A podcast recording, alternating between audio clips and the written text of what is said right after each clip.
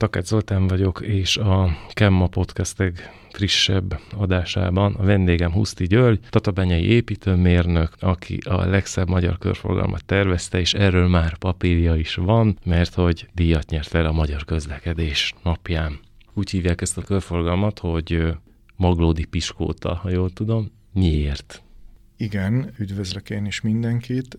Huszti György vagyok, és Tatabányai partnermérnök irodánál dolgozom. Annak idején 2005-ben megbízást kapott az irodánk a Maglódi 31-es számú főút, illetve 31-11-es jelű összekötő út csomópontjában csomópont átépítése, mert rengeteg gond van azzal, gond volt ott a csomóponttal. Legalább négy, de inkább öt csomóponti ágat kellett ennek összefogni, rendkívül szűk szűk beépítés, rengeteg kötöttség, túl nagy átépítése nem nagyon volt mód, és hát gyakorlatilag az alárendelt irányok olyan elhelyezkedéssel voltak egymáshoz képest, hogy az akkori állapot is két középponttal rendelkezett, és mivel nem lehetett területigénybevétellel megoldani, ezért a szabályos, nagyméretű körforgalom nem jöhetett szóba. Egy hosszúkás kellett, Így legyen. van, tehát ez az ötlet jött, hogy két középpont legyen, viszont ezek olyan távol helyezkedtek el egymástól, hogy a, ha két kört egymás mellé tesszük, mint mondjuk a Magnó kazettárnak a szalagját, akkor a kettő közötti egyenes az, az olyan nagy lett volna, hogy hát ott rendkívüli sebességekre is lehetőséget biztosított volna az autósoknak. Ugye ez meg balesetveszélyes helyzetet teremtett volna, ezért a sebességek optimalizálására meg lett ringatva ez, a, ez az egyenes, így felülről nézve gyakorlatilag egy baba piskóta alakja lett a körforgalomnak. Úgy tudom, hogy már nem ez az első ilyen siker, tehát hogy már nem ez az első díjnyertes körforgalom. Igen, 2010-ben szintén általam tervezett körforgalom a budapesti tizedik kerületben az új köztemető főbejárata előtti téren került megépítésre. Ott is egy elég régóta jelentkező probléma volt, rendkívül nagy torlódások, macskaköves útburkolat, ott is öt csomóponti ág, tehát öt útszakasz egy helyre központosult. Ez is egy elég nagy kihívás volt ide beálmodni a körforgalmat, hiszen egy műemléki környezet volt az egyik oldalon, a másik oldalon pedig villamos sínek, a harmadik oldalon pedig egy komoly beruházás épült, tehát ezek közé kellett bezsúfolni a körforgalmat úgy, hogy ez működőképes legyen, és e, nem csak jó lett ez a csomópont, tehát hogy e, a körforgalom ugye mondhatni egy megoldó képlet a közlekedésben is, hogyha valahol gond van, akkor körforgalmat építsünk, de a környezete olyan szép lett, hogy én azt gondolom, hogy aki arra jár, érdemes megnézni, mert tényleg most az a kaotikus állapot, ami ott volt, az, az egy szép állapotot eredményezett. Kicsit lépjünk hátrébb időben is, hogy oké, okay, körforgalmak tervezése, de ez honnan jön ez a dolog? Tehát Tatabányán, amikor kisrácként bringáztál, akkor kevés volt a körforgalom, és úgy döntöttél, hogy na most akkor tervezek párad, vagy ez hogy jön? Nem, hát ugye a ranglétrát meg kellett azért mászni, elvégeztem én is egy általános iskolát, majd egy gimnáziumot, ezt követően szakirányú felsőoktatási intézményben kerültem, Azért hozzá kell tenni, hogy gyerekkoromban én imádtam a közlekedést, Tatabánya busz menetrendjét kívülről fújtam, rajzolgattam otthon így magamnak papírra vetve utakat, várostérképeket, úgymond ilyen képzeletbeli várostérképeket. Ezzel voltam el úgy régen. Hát ugye akkor nem volt mobiltelefonozás, tehát nem tudtam a Farm Heroes szagával játszani, meg a kukacos játékokkal, meg nem volt Facebook és közösségi média. Talán jobb is volt, úgymond tudtam unatkozni, elfoglaltam magamat ezekkel a dolgokkal, és hát én elmondhatom magamról, hogy hogyan elhivatott közlekedési létesítménytervező vagyok, tehát én, én ezt világéletemben erre készültem, ezt, ezt szerettem volna csinálni, úgyhogy így alakult ki, és hát olyan helyre kerültem, olyan céghez kerültem a, az egyetem után, ahol olyan munkákat nyert el az iroda, amik lehetőséget biztosítottak ezeknek a létesítményeknek a megtervezésére. Na, abból adódóan, hogy tudod, hogy mit a jó egy körforgalom, és azt is tudod, hogy Tatabányán milyen a közlekedés, mert gyerekkorod óta keresztül bejártad, buszokkal, meg bringával, meg akár gyalog is, vagy futva. Kérdés az, hogy milyenek a tatabányai körforgalmak? Tatabányán ö, sajnos kevés körforgalom van. mindegyikre azt lehet mondani, hogy egyedi. Talán a lapatári körforgalom, ami még talán az a legszabályosabb körforgalom, egy hagyományos négyágú körforgalom, de az utóbbi években ez is már a forgalom nagysága véget, mert ugye megkívánta már a forgalom nagysága, egyik irányból direkt ágat kapott, ezt úgy kell érteni, hogy gyakorlatilag egy jobbra kiváló sávval kertváros irányba uh-huh. most mhm. már el lehet menni. A többi körforgalom gyakorlatilag nem tudott igazán zöldmezős beruházás lenni, azaz nem nagy területigénybevétellel jártak szűk beépítések lettek, ugye tekintve azt, hogy azért buszközlekedés is van Tatabányán, meg csuklós buszok is járnak. Voltak azért problémák, itt említem a, a Bánhidai lakótelep, illetve a Réti utcai kettős körforgalmat, ez is egy egyedi körforgalom. Ott lehetett is látni, hogy azért a szegélyek egy idő után kijárták a buszok, tehát a fordulási sugarakot nem a legmegnyugtatóbbak voltak annak idején, munkaidőben vagy munkanapokon amikor csúcsidőben iskolába hordják a gyerekeket, illetve rengeteg busz közlekedik arra, tehát lehet azt mondani, hogy Tatabány egyik legforgalmasabb csomópontjára van szó, ott bizony azért szokott elég jelentős torlódás is lenni. Aztán van még talán a Bagolyvárnál lévő körforgalom, ami szintén egy, egy kicsi belső sugarú körforgalom, ugyanakkor ott van az, amit említettem talán a Piskóta alakban, hogy két mhm. középpontja van a körnek, van egy kicsi egyenes, de nem túl nagy, mégis nem tudom, jártál-e arra, de azért hossz irányba elég nagy sebességgel át lehet uh-huh. rajta közlekedni. És akkor hát ha már a Bánhidas Árberek összekötő út mind a városnak egy legújabb közúthálózati elemének a legvégén van a Táncsics, Kossuth utca csomópontjában lévő körforgalom, ez is szintén egy ilyen két középpontú eltolt körforgalom. Ettől függetlenül a városban én azt gondolom mindegyik körforgalom működőképes, működik, folyamatos forgalom lefolyást biztosít. Tehát én azt gondolom, hogy a, a városban élőknek minden igényét ki tudja szolgálni. De te nem csak körforgalmat tervezem, utakat is. Sőt, mi több, ha már itt említetted ezt a nagy beruházást, ott ahhoz is van között, úgy tudom. A Bánida Sárberek összekötő út, igen, szintén a mérnök irodánk tervezte. Először még 2000 13-15 év folyamán, majd az engedélyezések megléte után ugye a forrás biztosítás hiányzott annak idején, és gyakorlatilag most 2019-re ért el olyan szintre az előkészítés, hogy forrásbiztosítás megtörtént, és megtörténhetett a kivitelezése is. Ennek mi volt a nehézsége tervezéskor? Hát itt gyakorlatilag nem is az útépítési szempontok voltak nehezek, bár itt is azért vissza lehet menni a gyökerekhez. Tehát annak idején még kisgyerek voltam, tehát kamasz gyerek voltam. Nagypapámnak az íróasztalán találtam egy rendezési tervet, ahol én már megláttam ezt a Bánhidas Árberek összekötő utat, és már akkor úgy tudtam, ahogy a köztudatban benne volt, hogy már nagyon várják ezt az utat, bánhidaiak, sárberkiek egyaránt, de azért eltelt több mint 30 év, mire megépült, 2000-es évek fordulóján volt egy tanulmányterv, egy budapesti iroda tervezte, annak idején itt volt két változat, az egyik változat egy aluljárós megoldás, illetve a vasút fölött egy felüljárós megoldás. Emlékszem, még nem dolgoztam, de érdekelt a téma, és Bánhidán a Puskinba volt egy lakossági fórum, és arra én elmentem, és megnéztem, hogy mi fog történni, és tökre örültem, hogy, hogy egy ilyen fog megépülni Tatabányán, de ehhez a dátumhoz is azért el kellett ilyen 20 év, mire ebből valóság lett. Igaz, 15 év, mire én megtervezhettem a közlekedési munkarészeket, ugye. A nagy kihívást mégis a műtárgyépítés okozta, 2015-ben a műtárgyat egy szintén egy budapesti mérnökiroda tervezte, mert hogy most is a kiviteli terveket budapesti mérnökiroda tervezte, de akkor valahogy nem volt meg szerintem az összhanga műtárgy tervezőnek, tehát nem, nem tett bele minden mérnöki lelkesedést a tervekbe. Gyakorlatilag ezt, ezt a műtárgyat most ennél a kiviteli tervezésnél átszapták a tervezők, és a mostani kialakítás végül a profi mérnöki gondolkodásnak a, az eredménye, meg ugye a a műtárgy tervezőnek, a, illetve a kivitelezőnek az együtt dolgozása, tehát hogy a lehető legjobbat tudják kihozni abból a keresztmetszetből, amit gyakorlatilag a tender tervek szerepeltettek. Ez most jó lett?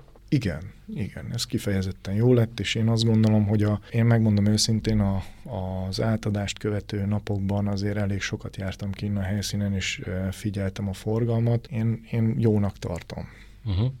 Mi az, ami hiányzik a város közlekedéséből? Ö, kerékpáros hálózati elemek, illetve összességében a koncepció. Tehát, hogy, hogy itt is például úgymond rajtunk meg mindenkin kívül álló okok miatt e, került úgy ez az úthálózati elem az város vérkeringésébe, hogy például a kerékpáros közlekedés a Polacsek közön valamilyen, aztán átjövünk erre az összekötő útra, ott pedig egy másik kerékpáros közlekedés van. És hogyha kitekintünk a város többi részére, azért láthatjuk, hogy eléggé gyakran változnak ezek a kerékpáros hálózati elemek, tehát mindenfajta van belőlük. Kerékpársáv, kerékpárút, egyesített gyalog és kerékpárút, és a többi, és a többi. És hát meg maga a jelzésrendszer. Hát itt is például hangot adott a lakosság egy része annak, hogy, hogy hát a kerékpáros meg a gyalogos piktogramok össze-vissza vannak ezen a Bálindas Árberek összekötő úton, holott nem, ez egy szabály, hogy ennek így kell lenni, tehát ez egy előírás is, és hogyha jobban meggondoljuk és közlekedünk ott, akkor azért logikusnak is tűnhet ez. Tehát én is azért közlekedem gyalogosan, futva, illetve kerékpárosan is, nem csak autóval közlekedek, és nem csak az íróasztal mögül tervezem, hanem azért a tervezésbe beleviszem az életet is, tehát az élethelyzeteket, meg a közlekedési helyzeteket. Ha már belevisszük az életet, akkor is visszatérünk egy kicsit a beszélgetésünk első apropójára, erre a díjra, körforgalom díjra, akkor mitől jó egy körforgalom úgy általában? Hát én azt gondolom, hogy nagyon sok szempontot fel lehetne sorolni, ami szerint lehetne vizsgálni egy körforgalmat, hogy jó vagy nem jó. Én kiemelném azt a helyzetet, amikor mondjuk egy, egy belterületi, tehát egy lakott területi körforgalom, vagy épp legyen lakott területen kívüli, de egy meglévő csomópontba, egy nem működő csomópontba kerül oda ez a körforgalom. És hogyha ez a körforgalom, amikor megépült és működőképes, akkor azt gondolom, hogy jó a körforgalom. Tehát, hogy elérte a célját. Találkoztál kifejezetten rossz körforgalommal, vagy olyannal, ami nem igazán volt okosan meg végig gondolva? Én megmondom őszintén, hogy Fehérváron van egy olyan körforgalom, éppen most vasárnap jártam arra, az M7-es autópálya csomópont melletti Ocean, illetve a körforgalma, az egy szabályos négyágú körforgalom, de óriási mérete van. És elég nagy torlódás szokott itt lenni. Ez nem csak azért van, mert olyan hatalmas forgalom van ott, hanem a magán a körpályán belül olyan hatalmas sebességekre föl lehet gyorsulni, hogy egyszerűen a belépő forgalomnak sokat kell várni, még meg tudja adni az elsőbséget, míg be tud lépni a körforgalomba, mert, mert folyamatosan jönnek az autók a körpályán belül, de ha ott vagyunk és vizsgáljuk a körforgalmat, akkor, akkor egyszerűen azt gondoljuk, hogy nem az a sűrű egymás után közlekedés van magába a körpályába, és mégis állnak a, az autók, mert egyszerűen tényleg a sebesség miatt nem mernek bemenni az autók. Akkor mit kell csinálni? Tervezéskor végig gondolva ezt a dolgot? Tehát hogy lehet ez a javítani, ez a szituáció? A körforgalomra mindig azt szoktam mondani, hogy az a csomópontoknak a megoldó képlete. Tehát ahol valami nem jó, tehát bármi nem működik, valamelyik irányba nagy a forgalom, és azt, azt kellene segíteni, akkor, akkor egy körforgalmat kell odaépíteni. De a körforgalmnak típusát jól kell tudni megválasztani, meg a geometriai méretét. Tehát az sem lehet, hogy hogy túlzottan nagy, mert akkor olyan lenne, mint hogyha mondjuk egy sima mezei háromágú csomópontok lennének. Nem véletlenül van, az biztos hallottál, láttál adott esetben Győrbe ezeket a jelzős köröket, amik egy ilyen spirális formában dobálják ki a járműveket, bemész egy fix forgalmi sávba, majd egy másikba kijössz, uh-huh. és ezeknek a mérete viszonylag kicsi. Igen. Kicsi belső maggal, vagy épp a turbókörforgalmak, nem tudom, hallottál-e már róla, azok jóval kisebb ö, körök, viszont kétsávosak legalább. Igen, igen. És gyakorlatilag... 21-esen sok így, 21-es út, így van, és azon sokkal könnyebb közlekedni.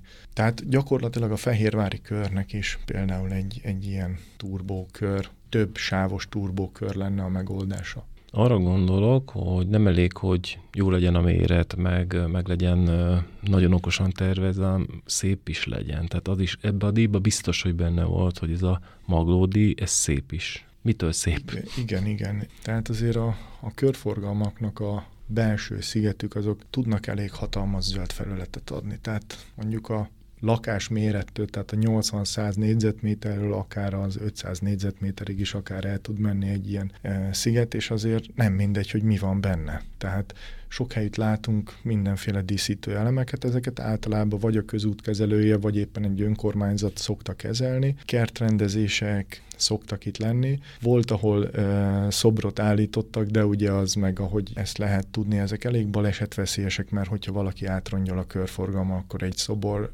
hogyha ott van, mint fix akadály, az, az komolyabb sérüléseket, tehát komolyabb kimeneteli balesetet tud okozni.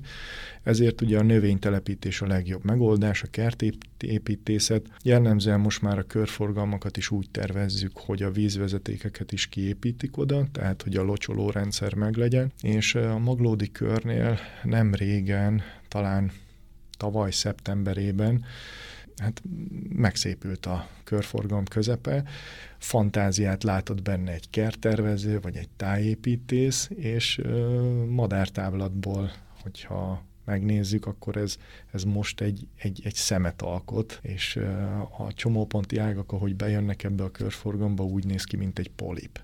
Uh-huh. És szerintem ettől különlegesen szép látvány is lett most madártáblatból.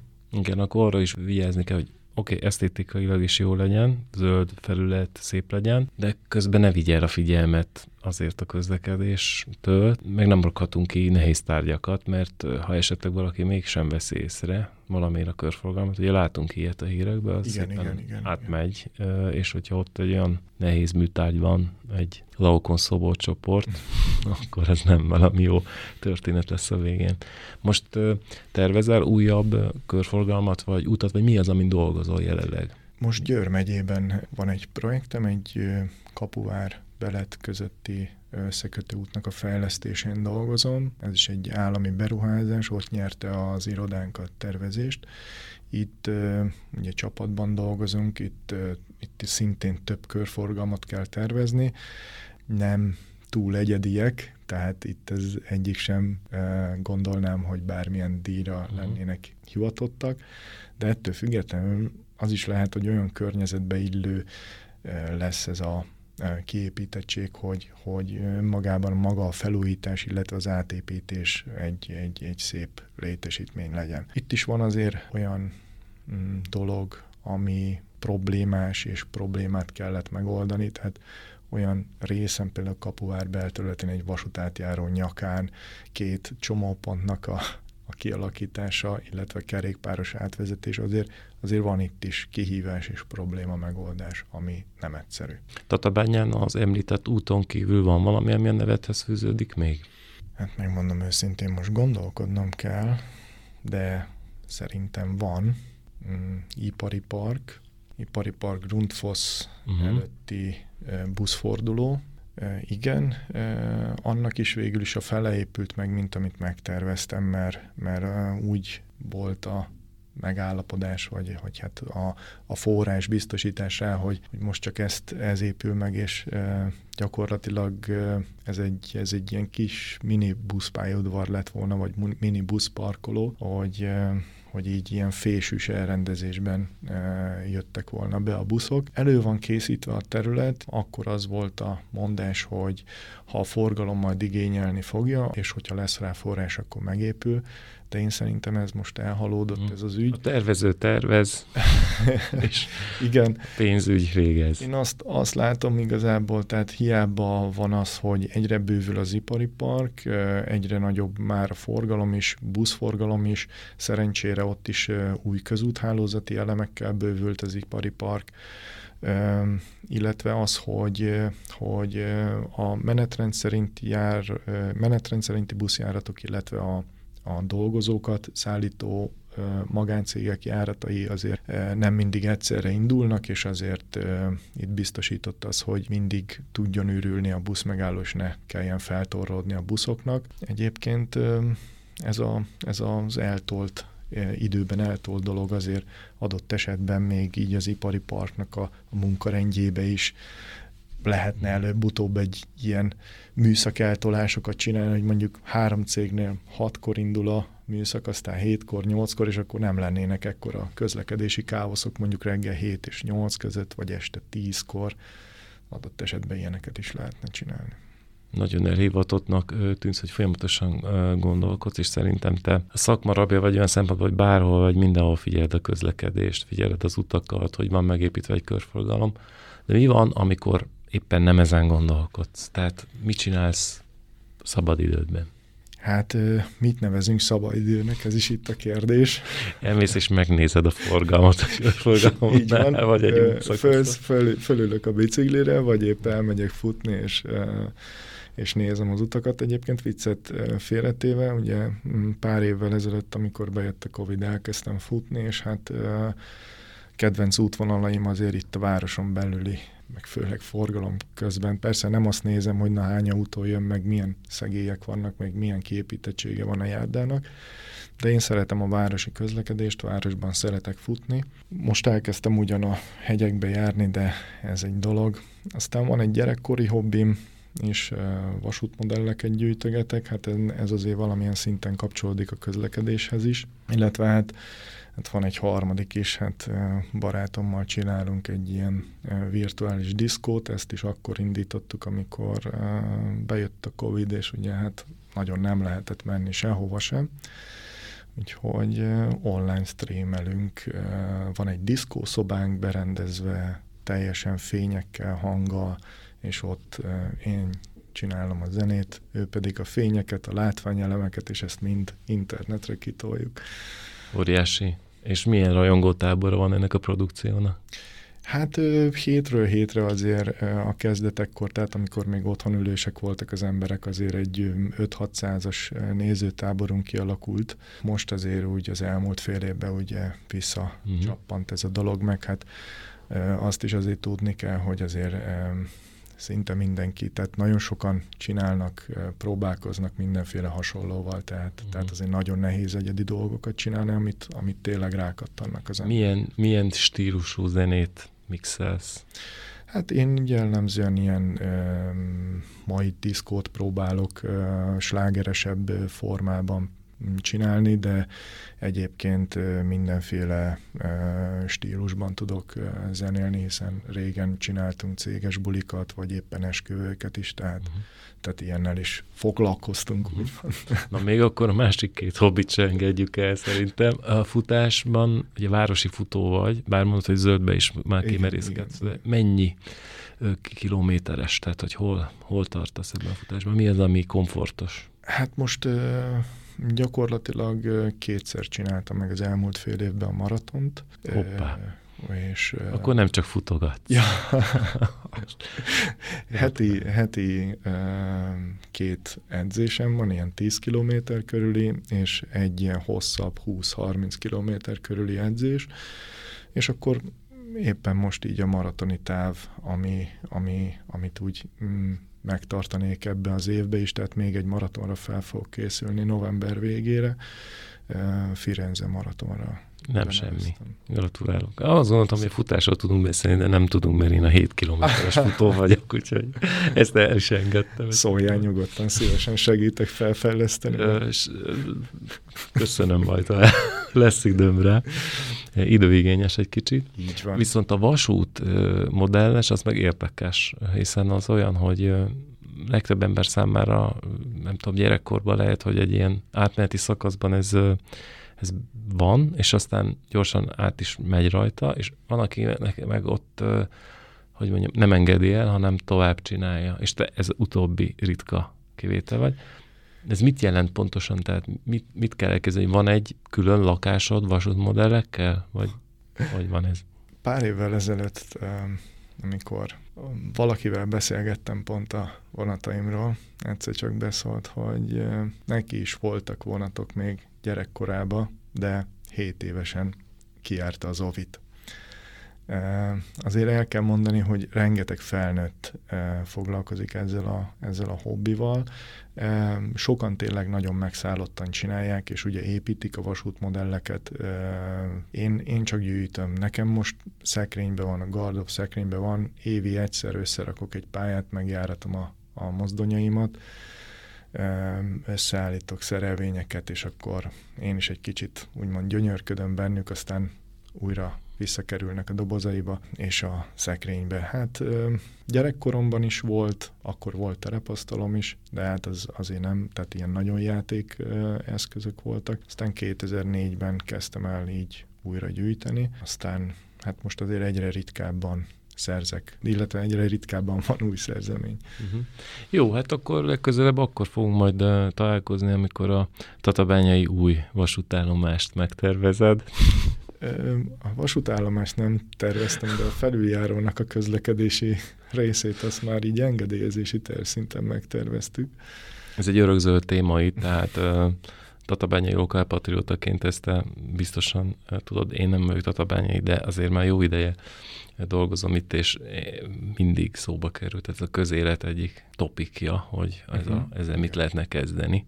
Mit lehetne kezdeni? Hát a vasútállomást át kellene építeni, ezt a zöld épületet azért el kéne bontani, én azt gondolom, ennek mindenki nagyon örülne. Tehát az, az nem, nem vitás, ez, ez hogyha Bejövünk ugye Tatabányára ezen a kétszer kétsávos úton, Győri úton, bárhonnan is jöjjön valaki, akár amikor hazajövök egy, egy, egy messzi útról, és, és bejövök a városba, és meglátom a vasútállomás épületét, akkor elszörnyűködöm. Azért az nem sikerült túl szépre. Én azt gondolom, hogy, hogy ezt, ezt mindenképp legalább az épületet e, muszáj lenne kicserélni, és e, ugye úgy tudom, hogy még a Dózsakerti gyalogos felüljáró is nagyon, nagyon nagy szükség lenne rá. Hát a Dózsa György úti felüljáró, mint gépjárművel közlekedett felüljáró, hát ő is, az is cserére érett, de ott azért több minden kellene, hogy összejöjjön, hiszen, hiszen azért az a város életébe közlekedés szempontjából egy nagyon nagy problémát okozna, hiszen tömegközlekedési útvonalakat kellene módosítani. Tehát ezt, ezt mai szemmel megmondani sem lehet, hogy hol és mekkora problémát okoz. Tehát erre szerintem nem igazán van most a tatabányai lakosság felkészülve erre a vélhetően majd bosszúsággal járó dologra, viszont én már láttam ugye a műterterveket, azt is, hogy mi az, ami továbbtervezésre javasolt, uh-huh. és hát én azt gondolom, hogy ez megvalósulna, akkor, akkor büszkék lehetünk itt uh, városlakók, mert egy, egy gyönyörű, impozáns uh, hídunk lenne, és egy uh, közösségi tér is kialakulna rajta, tehát maga a sétányon. Én többet ebbe nem mennék bele kulisszatitkokba. Legyünk optimisták minden esetre ez ügyben is. Egy nagyon, nagyon szép és impozáns híd lenne biztosan díjat kapna az is. Köszönöm szépen a beszélgetést. Én is köszönöm, hogy eljöttem.